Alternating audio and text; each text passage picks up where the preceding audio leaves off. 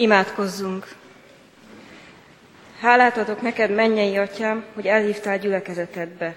Szent lelkeddel légy segítségemre, nyisd meg számot dicséretedre, szívemet igét befogadására. Ámen.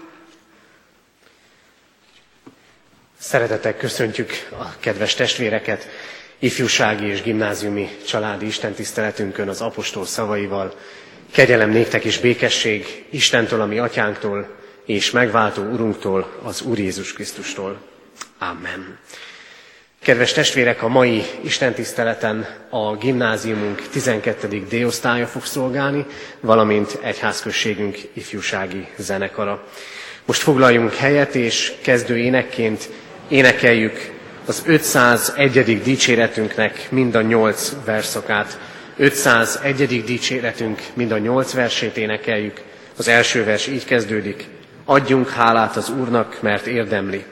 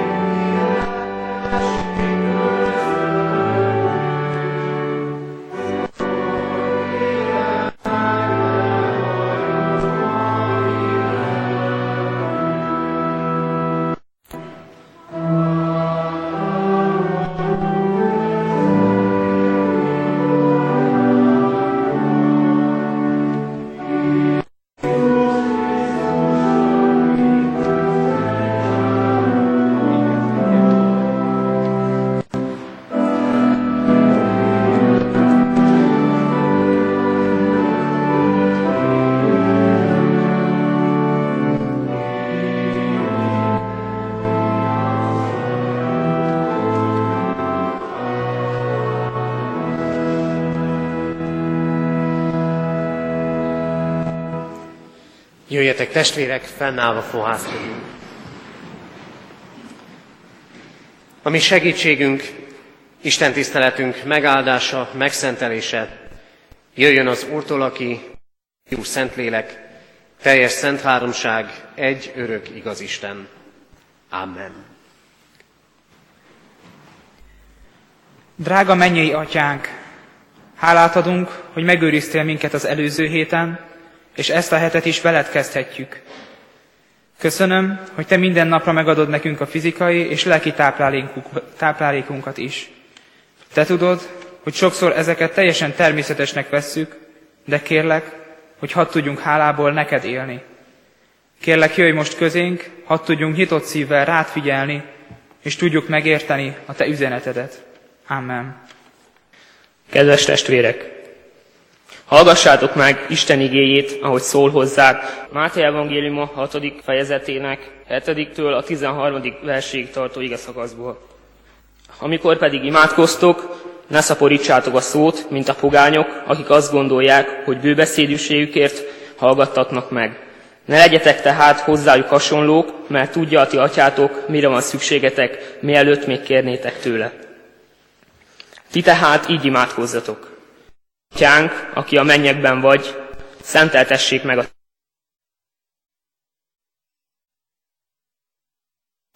amint a mennyben, úgy a földön is. Mindennapi kenyerünket add meg nékünk ma, és bocsáss meg vét, miképpen mi is megbocsátunk az ellenünk védkezőknek. És ne vigy minket kísértésbe, szabadíts meg a gonosztól, mert Téd az ország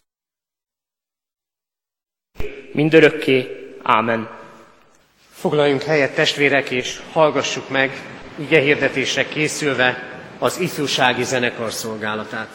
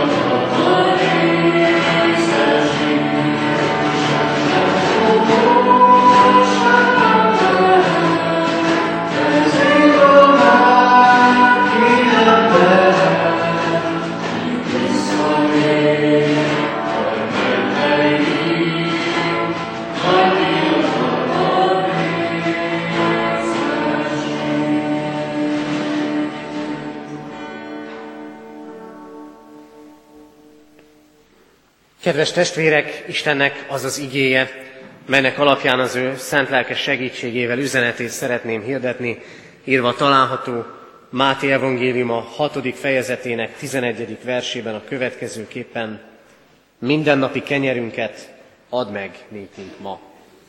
Amen. Kedves testvérek, ebben az esztendőben a gimnáziumi családi istentiszteleteken, és ezt elmondjuk minden hónapban, az Úri imádság, a mi atyánk kerül elénk mondatról mondatra, szakaszról szakaszra. Így ma halljuk, olvassuk és mondjuk is gyakran, mindennapi kenyerünket add meg nékünk ma. Az Úri imádságnak így tanítjuk, tanuljuk, és jó, ha újra és újra felfedezzük, két fő része van. Az első része, az első három kérdés, úgymond az Istenre vonatkozó kérdéseket, kéréseket tartalmazza, majd innentől kezdve a második három kérdés pedig az emberi szükségleteket veszi sorra, ennek sorában az első mindennapi kenyerünket ad meg nékünk ma. Nagyon fontos látnunk azt rögtön ebből a kérdésből, ebből a kérésből, hogy itt nem az én mindennapi kenyeremről, hanem a mi mindennapi kenyerünkről van szó. Ebben az imádságban imádkozunk önmagunkért is, de imádkozunk a másik emberért is. Nem csak azért, aki nehéz helyzetben van, nem csak azért, aki konkrétan hiával van a kenyérnek, a megélhetéshez szükséges dolgoknak, de minden emberért imádkozunk. Nem egyes szám első szemében, hanem többes szám első szemében szól.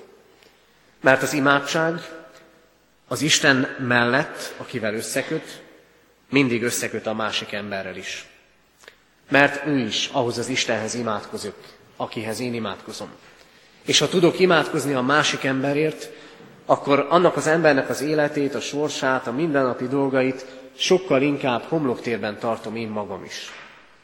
Az imádság nem csak Istennel köt össze, hanem a másik emberrel is. Meg is fordíthatjuk a dolgot, nem azért történik-e az, hogy emberi kapcsolataink annyiszor futnak zátonyra, és azért nem tudunk egymásról sokat, és azért nem törődünk eleget egymással, mert nem imádkozunk a másik emberért. És hogy elfelejtettünk imádkozni a másikért. Ez ölt testet, és ez érhető tetten az emberi kapcsolatainkban is, sok más mellett még. Az első ilyen kérés, ami önmagunkra, az emberre vonatkozik, a kenyérért való imádság. Talán egy kicsi furcsának is tűnhet számunkra. Mert az Istenre vonatkozó kérések után nem biztos, hogy rögtön azt várnánk, hogy a mindennapi kenyérért szól az imádság. Talán úgy gondolnánk, hogy sokkal inkább majd az első ilyen kérés arról fog szólni, hogy add meg nekünk a lelki kincseket, adj nekünk hitet, az, hogy jobban tudjuk szeretni egymást. Ehelyett itt ez a nagyon is kézzel fogható dolog a mindennapi kenyér. A mindennapi szükségeink Isten elévitele. Nagyon sokan gondolkodnak úgy, hogy egyébként helytelenül és teljes ellentétben a Szentírással, hogy a test másodlagos a lélekkel szemben. Középkorban nagyon sokan így gondolkodtak, nem így van. A teremtésnél is azt látjuk, Isten teremti meg az ember testét, és ő ad lelket neki. És itt a mi atyánkban is azt látjuk, hogy ez az első ilyen emberre vonatkozó kérés, a testi szükségeknek a betöltése. És hogyha Jézus Krisztusnak a gyógyítási történeteit nézzük, akkor ott is azt látjuk, hogy jól lehet egy testi bajjal, betegséggel mennek oda, vagy visznek oda hozzá embereket, először mindig bűnbocsánatot hirdet, de nem bocsátja el úgy az embereket, hogy ne történne velük más is. Meggyógyul egy béna, meggyógyul egy vak, hallani kezd a süket. És még lehetne sorolni tovább a történeteket. Mindez arra emlékeztet bennünket, hogy a test is és a lélek is fontos az Úristennek, és tudja, hogy vannak szükségeink. Az Isten előtt ott van az egész ember, ott van az egész valunk. Tudja, hogy mire van szükségünk a mindennapi élethez. Az életünk lelki és testi egysége elválaszthatatlan egymástól. És minden szükségben és minden helyzetben megszólítható és megszólítandó az Isten.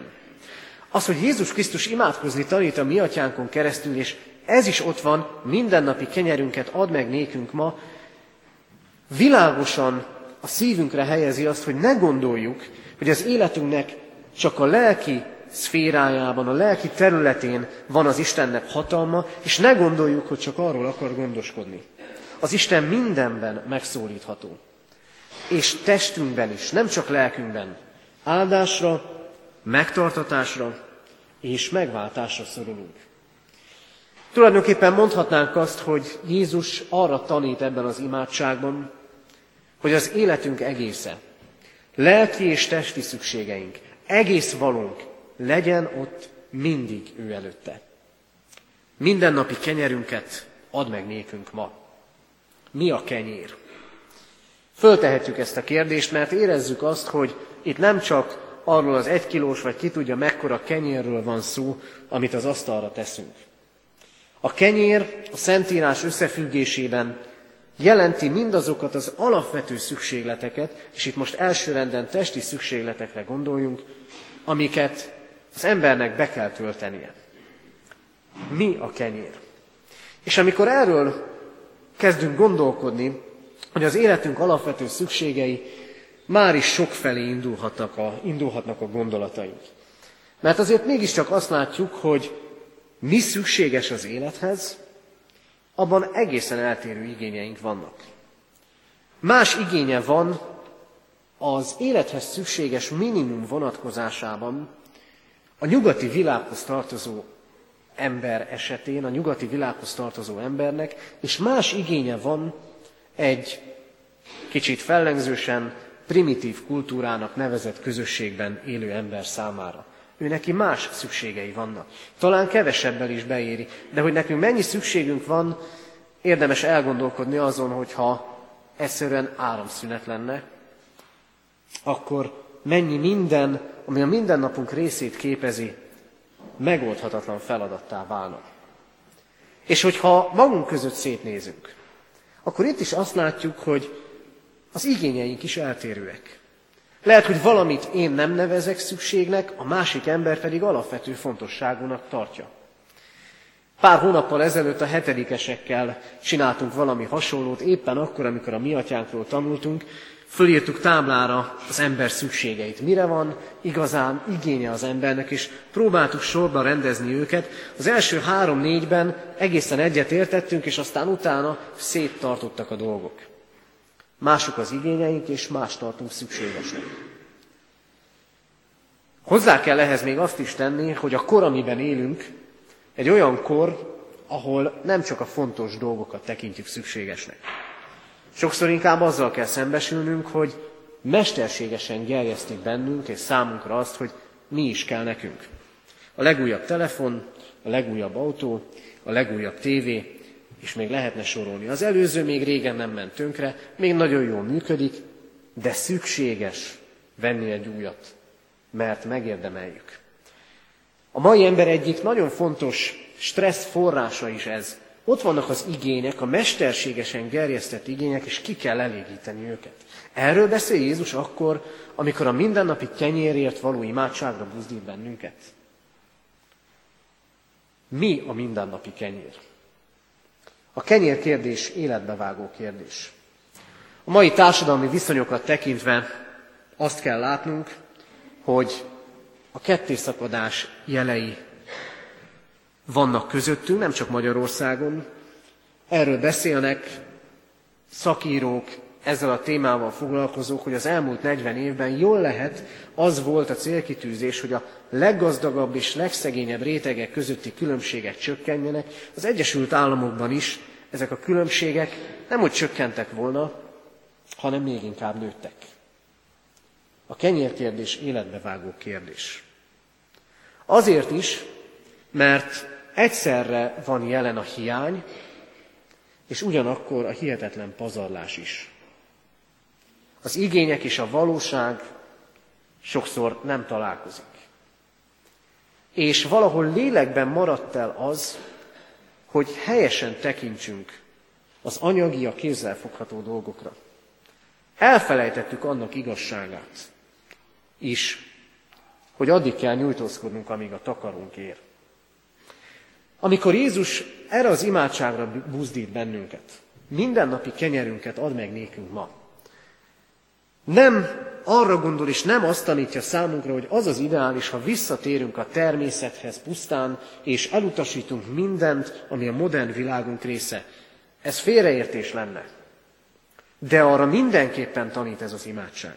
Arra mindenképpen tanít bennünket Krisztus, hogy a szükségeinket és az igényeinket felül kell vizsgálni. Hogyan viszonyulok a láthatóhoz? Hogyan viszonyulok ahhoz, amiről azt gondolom, hogy szükségem van rá? Hogyan viszonyulok a testihez, a kézzel fogható dolgokhoz? Mi az, ami valóban kell, és mi az, amit elhagyhatok? Mi a mindennapi kenyér? A legszükségesebb dolgok. Eszünkbe is jut talán rögtön a létminimumnak a fogalma. Ma reggel, ahogy még egyszer átnéztem a prédikációt, gyorsan megnéztem az interneten, hogy mi minden tartozik bele, Néha vakartam a fejemet, hogy hogy is jött ez ki ez az adat és ez a szám, de mégis van egy közmegegyezés, hogy mi az, ami kell az élethez. Lakhatás, ruha, étel, ital, alapvető dolgok, és aztán olyanok is, amik már úgymond ráadásnak számítanak. És hogy mire van szükség igazán, talán az életünk szükséghelyzetei teszik világossá. Legyen szó egy anyagi szükséghelyzetről, ezt látjuk, ennek a korát éljük, hogy az emberek próbálják a fogyasztást visszafogni. És először azt nyesegetik le, ami talán kevésbé fontos. De van egy határ, amin már nem lehet tovább menni. Amit már nem lehet lenyesegetni. De nem csak ezek a szükséghelyzetek teszik világossá, hogy mi az igazán fontos, hanem a lelki terhek és válságok is. Egy betegség, egy gyász, egy rosszul lét. Amikor hirtelen átrajzolódik minden, hogy mi a lényeges, és mi a kevésbé fontos. Mit mond Jézus Krisztus?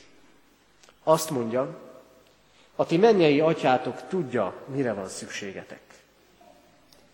És nem biztos, hogy ez találkozik azzal, amit mi szükségesnek tekintünk.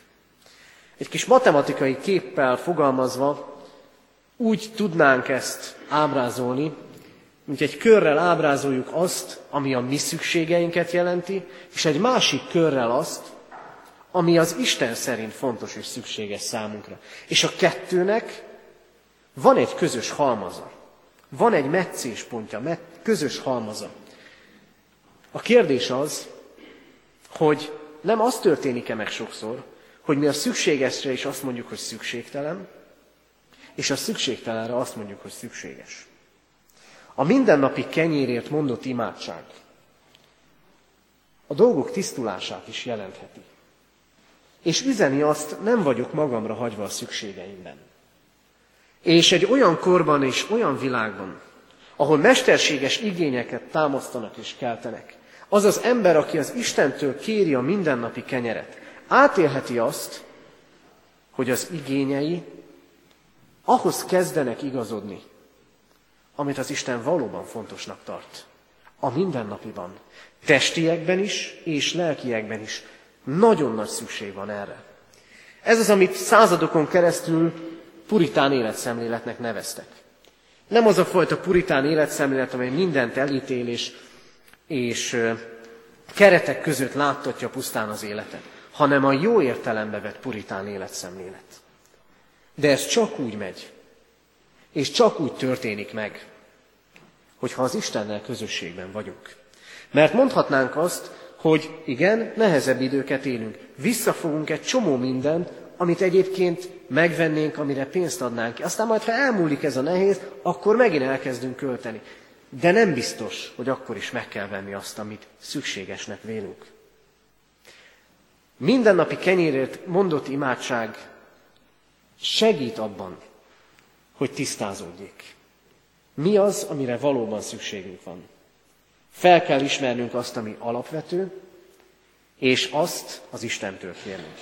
És így érkezünk el a következő üzenethez, aggodalom és zúgolódás helyett imádkozni kell a mindennapiért. Az anyagiak, a szükségesek, az erről való gondolkodás sokszor és sokakat kilátástalanságba taszít, panaszt szít az ajkunkon, és elégedetlen, elégedetlenné válunk emiatt lélekben. Ez pedig nem jó. Az aggodalomból, a szükségekből bizony fölvetődhet a kérdés, miért engedi azt az Isten, hogy ebből vagy abból kevés legyen. Miért nem áld meg, és miért nem szünteti meg a szegénységet? Maga Krisztus mondja, a szegények mindig közöttetek lesznek. Nem mai probléma csak ez. Nem mai probléma csak az, hogy látva a szükségeket és az igényeket, a magunk életét tekintve, és tekintve azt, hogy hány emberért vagyunk felelősek, családban, iskolában, gyülekezetben, közösségeinkben, inkább az aggodalom, vagy éppen a zúgolódás szólal meg bennünk. Mert érezzük a felelősséget. Önmagunkért is, családunkért is, közösségeinkért is. A kérdés az, hogy látva a határokat, mihez kezdek? Mi a válaszom erre? Aggodalom és zúgolódás-e, avagy megszületik az imádság? A pusztai vándorlás 40 esztendeje alatt Isten választott népe újra és újra zúgolódott. Tulajdonképpen azt mondták ki, Isten azt akarja, hogy éhen veszünk. Az ige szavával Isten nem adja meg nekünk a mindennapi kenyeret. És megjött a, megszületett a következő gondolat, akkor menjünk vissza Egyiptomba. Ott mennyi, mennyivel jobb volt minden. Ott voltak a húsos fazekak. Volt mit tenni. Igaz, hogy rabok voltunk. Igaz, hogy a gyerekeinket meg kellett volna ölni, és milyen jó, hogy nem tették. Ez az, ami úgy szól, ugye visszavágytak a rabságba, nem mondok nevet, valakinek az idején jobb volt. Amikor ez vagy az vezette az országot. Az ő idején jobb volt. Ami a zúgolódás mögött van, az akkori embernek és a mai embernek nekünk a bizalom hiánya. Nem bízunk abban, nem bíztak ők abban, hogy az Isten, aki megszabadította őket, majd gondot is visel róluk, és mi sem bízunk abban sokszor, hogy ha az Isten Krisztusban megváltott bennünket, akkor vajon gondot visel-e rólunk? Az Isten gondot visel rólunk. Nem akar elveszíteni bennünket. Nem akarja, hogy nélkülözzünk. Ami nem azt jelenti, hogy nincsenek nehéz időszakok az életünkben. De azt mindenképpen jelenti, hogy bízhatunk benne, mert a mindennapit meg tudja adni. Nem csak zúgolódhatunk, hanem aggodalmaskodhatunk is. Krisztus a hegyi beszédben felteszi a kérdést. Ki az, aki aggódásával akár csak egy nappal is meg tudná hosszabbítani az életét? Az aggódás nem vezet előrébb. Az aggódásnak semmi haszna nincsen. Jézus azt mondja, keresétek először az Isten országát, és ezek mind ráadásul megadatnak nektek. Az aggódás nem megoldás. A megoldás az Isten akaratának keresése. És az Isten országának keresése. Mert így tanít imádkozni. Mindennapi kenyerünket ad meg nékünk ma. És még azt is hozzátehetjük, mert az Ószövetségben számos példáját látjuk ennek, hogy voltak éhínségek az országban. Voltak nehéz időszakok. De annak gyökerében és forrásánál mindig ott volt az Isteni ítélet. Az pedig nem magától jött. Az Isteni ítélet bizony újra és újra testet ölthetett, láthatóvá lehetett nehéz időszakokban, amikor nem volt elég. Úgy is feltehetnénk a kérdést, meddig kell még nehéz időket élnünk, hogy végre végig gondoljuk, elgondolkozzunk azon, miben nem igazítottuk az életünket Istenhez. Mi hívő emberek is. Mert nem független a kettő egymástól. Ez nem modern látás, és nincs benne a mai gondolkodás fő áramában. Mégis az Isten igéje világosan tanít. Ítéletként is ott lehetnek a nehéz idők. Az életünkben, a mai időkben is. Krisztus ezért arra tanít, imádkozzunk a mindennapiért. Mert nem válasz az ugolódás, és nem válasz az aggodalom. Minden nap az aznapiért imádkozni. Mert mindegyik nap más. Az egyik nap könnyebb, a másik nehezebb. Az egyik nap kevesebb is elég, a másnap, másik nap a több erőfeszítés sem tűnik elegendőnek. Mindegyik nap más. Mindegyik másféle testi, lelki erőt, energiát igényel tőlünk. Hol többet, hol kevesebbet. És hogyha ki tudom mondani ezt, mindennapi kenyerünket add meg nékünk ma, akkor ebben az is ott van. Lehet, hogy ma nagyon erőtlennek érzem magam. Lehet, hogy úgy indulok el, ezek a feladatok, ezek a dolgok hegyként magasodnak előttem, és nem tudom, hogy lesz rá erőm. De te ma is megadhatod a mait. Nem sokat, de nem kevesebbet, hanem pontosan annyit. Krisztus tudja a szükséget. Jobban nálunk is. Mi talán valahogy próbálunk ebben a vonatkozásban is költségvetést csinálni, mire lesz erőm és időm. Mennyire könnyebb lenne, de egyszer mint nehéz is meghozni ezt a döntést, hogy átadjunk mindent így az Isten kezébe. És végezetül. Nem szabad megfeledkeznünk a lelki táplálékról sem. Bőti időszak előtt vagyunk, és tudjuk, Jézus Krisztus is 40 napos bőtel készült a szolgálatára. És akkor kísértette meg a sátán. Ha Isten fia vagy, ravasz a bevezetés. Ha Isten fia vagy, változtasd ezeket a köveket kenyéré. A konkrét üzeneten túl világos az is, a kenyér kérdésben az ember különösen kísérthető. Amikor a megélhetésünk kérdései vetődnek fel számunkra. Amikor úgy látjuk, hogy nem elég az, ami van, akkor különösen is kísérthetőek vagyunk. De Jézus hozzáteszi, nem csak kenyérrel él az ember. Nem minden a testi táplálék. Szükség van az Isten igéjére. A lélek táplálása döntő fontosságú. Mondják, halljuk, azzá leszünk és azok vagyunk, amit megeszünk. Így van ez a lélekkel is. Nem mindegy, hogy a lelket mivel tápláljuk. Nem mindegy, hogy milyen zagyvaságokat veszünk be a lelkünkbe. Krisztus azt mondja, nem csak kenyérrel él az ember, hanem minden igével, amely Isten szájából származik. És ebben is minden napira van szükség. Isten igéjére, a lelki táplálékra, ami eljut a lélekig. Nem csak a felszínt karcolgatja, hanem lélekig jut. És nem csak hetente egyszer. Mert az Isten beszéde naponként akarja a lelkünket erősíteni. Mert miközben felvetődik a kérdés, vajon a testünknek holnap, holnap után meg lesz-e minden, minden szükségünk betöltetik-e, ezt jóval kevésbé kérdezzük meg a lelkünkkel kapcsolatban. És megint visszakanyarodhatunk oda. Ezért van annyi nehézség, baj önmagunkkal, emberi kapcsolatainkkal, és sok minden mással is. Mert a lelket meg nem tápláljuk. Az Isten beszéde, a lélek munkája táplálja a lelkünket. Ebben is naponkénti táplálkozásra van szükség. Naponkénti odaszánás, és a mi Úrunk ebben is meg akarja adni a mindennapit. Kedves testvérek, amikor Krisztus imádkozni tanít, így mindennapi kenyerünket ad meg nékünk ma, akkor felszabadít bennünket.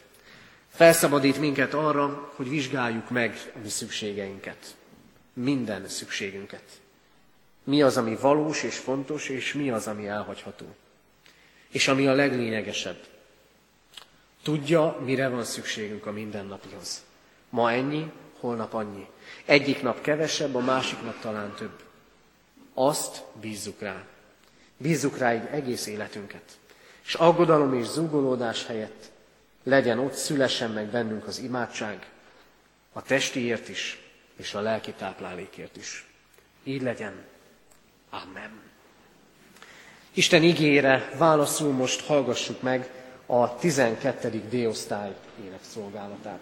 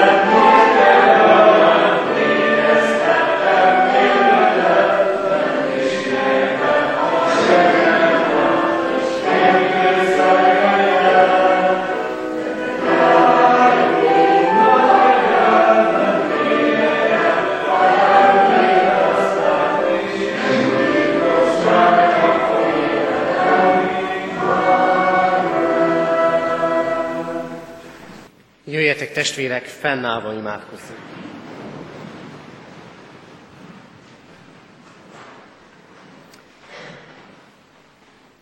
Urunk Istenünk, köszönjük neked azt, hogy nálunk sokkal jobban tudod, hogy mire van szükségünk. Sok mindent látunk mi magunk is. És sokszor nyomaszt bennünket az a teher, amit a szükségekhez való előteremtése jelent számunkra. Kérünk ezért, hogy add a mi szívünkbe azt a bizalmat, hogy rá tudjunk, rá tudjunk bízni mindent. És elhiggyük azt, hogy Te, aki Krisztusban megszabadítottál minket, gondot viselsz rólunk. Elét hozzuk úgy, így, Urunk, önmagunkat, ha nélkülözések között élünk. Adj ebben türelmet, kitartást, vagy reménységet, és azt a bizalmat, hogy Te meg fogsz tartani bennünket. És hálát adunk, Urunk, azokért és azokkal, akiknek nincsenek mindennapi bajai és gondjai. Köszönjük, Urunk, hogy így is láttatod a Te áldásaidat. És megengeded, hogy legyen sok vagy elég, hogy legyen felesleg, amivel segíthetünk másoknak. Urunk, Szeretnénk rád bízni így mindazt, ami az életünkben aggódásra vagy zugolódásra ad okot. Kérünk, taníts minket imádkozni, és láttasd velünk az imádság áldásos hatását. Hadd, hogy tudjuk előbb keresni a Te országodat, és megtapasztalhassuk. Ráadásul mindent megadsz nekünk. És köszönjük a lelki táplálékot is, amit nem csak ma készítettél nekünk, hanem elkészítesz minden nap. Tudod, mivel tápláltuk, tápláljuk a lelkünket, és tudod, mennyiszer ki van éhezve. Kérünk, legyen a Te igéd, ebben is megújítunk, forrásunk. És köszönjük neked, Urunk, hogy rád bízhatjuk a nehéz terheket hordozókat. Elét hozzuk a betegeket. Elét hozzuk a gyászterhét hordozókat. Kérünk, légy mellettük, Urunk, és vigasztald őket. Elét hozzuk Istenünk a mi iskolánkat, kollégiumunkat, különösen is most gimnáziumunkat. Könyörgünk az ott tanuló diákokért, az ott tanító tanárokért, dolgozókért. Légy a mi vezetőnk, megtartunk és segítünk. Könyörgünk városunkért, országunkért, egész nemzetünkért. És hálát adunk neked, Urunk, azért, mert mindenünk, amink van, az tőled lehet. Kérünk, ne szűnjünk meg hálát adni neked. Köszönjük, hogy adhatunk, hogy adakozhatunk, és köszönjük azt, hogy kegyelmedből mindennek helye lehet. Légy ezért áldott, Urunk, és áld meg a mi adományainkat is. Áld meg a rászorulókat, hogy eljuthassunk hozzájuk. Urunk, rád bízzuk így az életünket. Kérünk Krisztusért, hallgass meg könyörgésünket. Amen. Imádkozzunk most úgy, ahogy a mi Úrunk Jézus Krisztus tanított bennünket. Mi, Atyánk, aki a mennyekben vagy, szenteltessék meg a Te neved. Jöjjön el a Te országod, legyen meg a Te akaratod, amint a mennyben, úgy a földön is. Minden napi kenyerünket add meg nékünk ma, és bocsáss meg védkeinket, éppen mi is megbocsátunk az ellenünk védkezőknek. És ne vidd minket kísértésbe, de szabadíts meg a gonosztól, mert Tiéd az ország, a hatalom és a dicsőség mindörökké. Amen. Hirdetem az adakozás, mint Isten tiszteletünk hálaadó részét. Mindezek után Istennek népe áldjon meg téged az Úr, és őrizzen meg téged. Világosítsa meg az Úr az ő arcát rajtad, és könyörüljön rajtad. Fordítsa az Úr az ő arcát reád, és adjon néked békességet. Amen.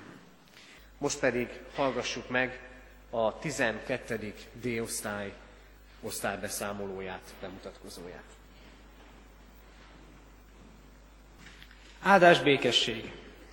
Bátran mondhatom, hogy mi egy életvidám és igazán sokszínű osztály vagyunk. Vannak köztünk sportolók, erre jó példa, hogy ma öt röplabdázó osztálytársunk játszik az országos döntőn, és mi nagyon szurkolunk nekik, és vannak köztünk jó zenészek, jól éneklők és jó rajzolók. Mindenki másban jó, van akinek a matek megy jó, jól, és van akinek a töri vagy az irodalom. Osztályközösségünk erejét pont ez a sokszínűség adja, és a bennünk rejlő összetartás. Pár hónap, és sajnos búcsúznunk kell egymástól, és az iskolánktól is. A, búcs, a búcsúzás ténye, akár egy sötét árnyék leng felettünk, és nem hagy minket nyugodni, de igyekszünk tudomást sem venni róla. Inkább élvezzük az együtt töltött jó, nehéz és sok munkával teli pillanatokat. Azt, hogy mitől lesz a 12D a 12D, azt mindenki csak saját maga mondhatja meg. És más véleménye van tanárainknak, évfolyamtársainknak, az alattunk járó osztályoknak, és természetesen más véleményünk van nekünk is. Az eddig együtt eltöltött három és fél év alatt nagyon sok változáson mentünk keresztül, mind külsőleg, mind belsőleg. Egymást alakítottuk, és rajtunk az osztálytársaink által hagyott nyomok megmaradnak és kísérnek bennünket. Sok közös élményünk volt eddig, karácsonyi műsor, kulturális napok, az osztálykirándulások, a táncpróvák, szalagavató. Szalagavatunk csodásan sikerült, és ezekben az emelkedett pillanatokban érthettük csak meg igazán, hogy mennyit jelentünk egymásnak. Sok-sok munkánk volt a táncban, de az eredményt látva és főként érezve Egyikünk sem kérdőjelezi meg ennek a munkának a hasznosságát. Utólag visszanézve mindannyian sajnáljuk, hogy olyan gyorsan elrepültek a szalagavató boldog percei. Élményeink közé tartozik továbbá, hogy idén voltunk együtt kirándulni a terrorházában és a Szépművészeti Múzeumban is. Ebből is látszik, hogy nyitott, érdeklődő osztály vagyunk. Összekötnek minket a viccek, amiket csak mi értünk meg, és az a sok-sok félelem a dolgozatok és felelések előtt. Úgy gondolom, hogy az életben az egyik legjobb dolog az, hogy a nehézségeinkben és az örömeinkben sosem vagyunk egyedül. Mi mindig támogatjuk egymást, együtt bohóckodunk, együtt örülünk. Szeretjük egymásban azt, hogyha valakinek rossz napja van, a többiek biztos, hogy meg tudják vigasztalni, és mosolycsalnak az arcára. Sok legjobb barátság köttetett az osztályban, amiket reméljük, hogy meg tudunk majd őrizni az idő múlásával is. Nagyon sokat köszönhetünk az iskolánknak, és úgy hisszük, hogy az osztályunk nélkül semmi sem lenne az igazi. Reméljük azért sikerült hűképet adnunk magunkról, és a mai Isten, tisztelet is különlege, mai Isten tiszteletet is különlegessé tudtuk tenni a gyülekezet számára a szolgálatunkkal. Köszönjük szépen az osztálybeszámolót, és valóban kívánunk, kívánjuk Isten áldását ennek a valóban sokszínű osztálynak a további hónapjaira közöttünk, a gyülekezetben továbbra is, és aztán arra fel, azokon az utakon, amelyekre indulnak majd az érettségit követően. Záróénekünket énekeljük most, illetve mielőtt elénekelnénk, hadd köszönjem meg a 12. D-osztály szolgálatát, valamint az ifjúsági zenekar szolgálatát is. A záróénekünk a 128. Zsoltár lesz, annak mindhárom versét énekeljük. A 128. Zsoltár verseinek éneklését követően egy közös záróimádság fog következni. Ezt a Zsoltárt az ifjúsági zenekar fogja vezetni, az ének így kezdődik, boldog az ember nyilván, ki az Istent féli.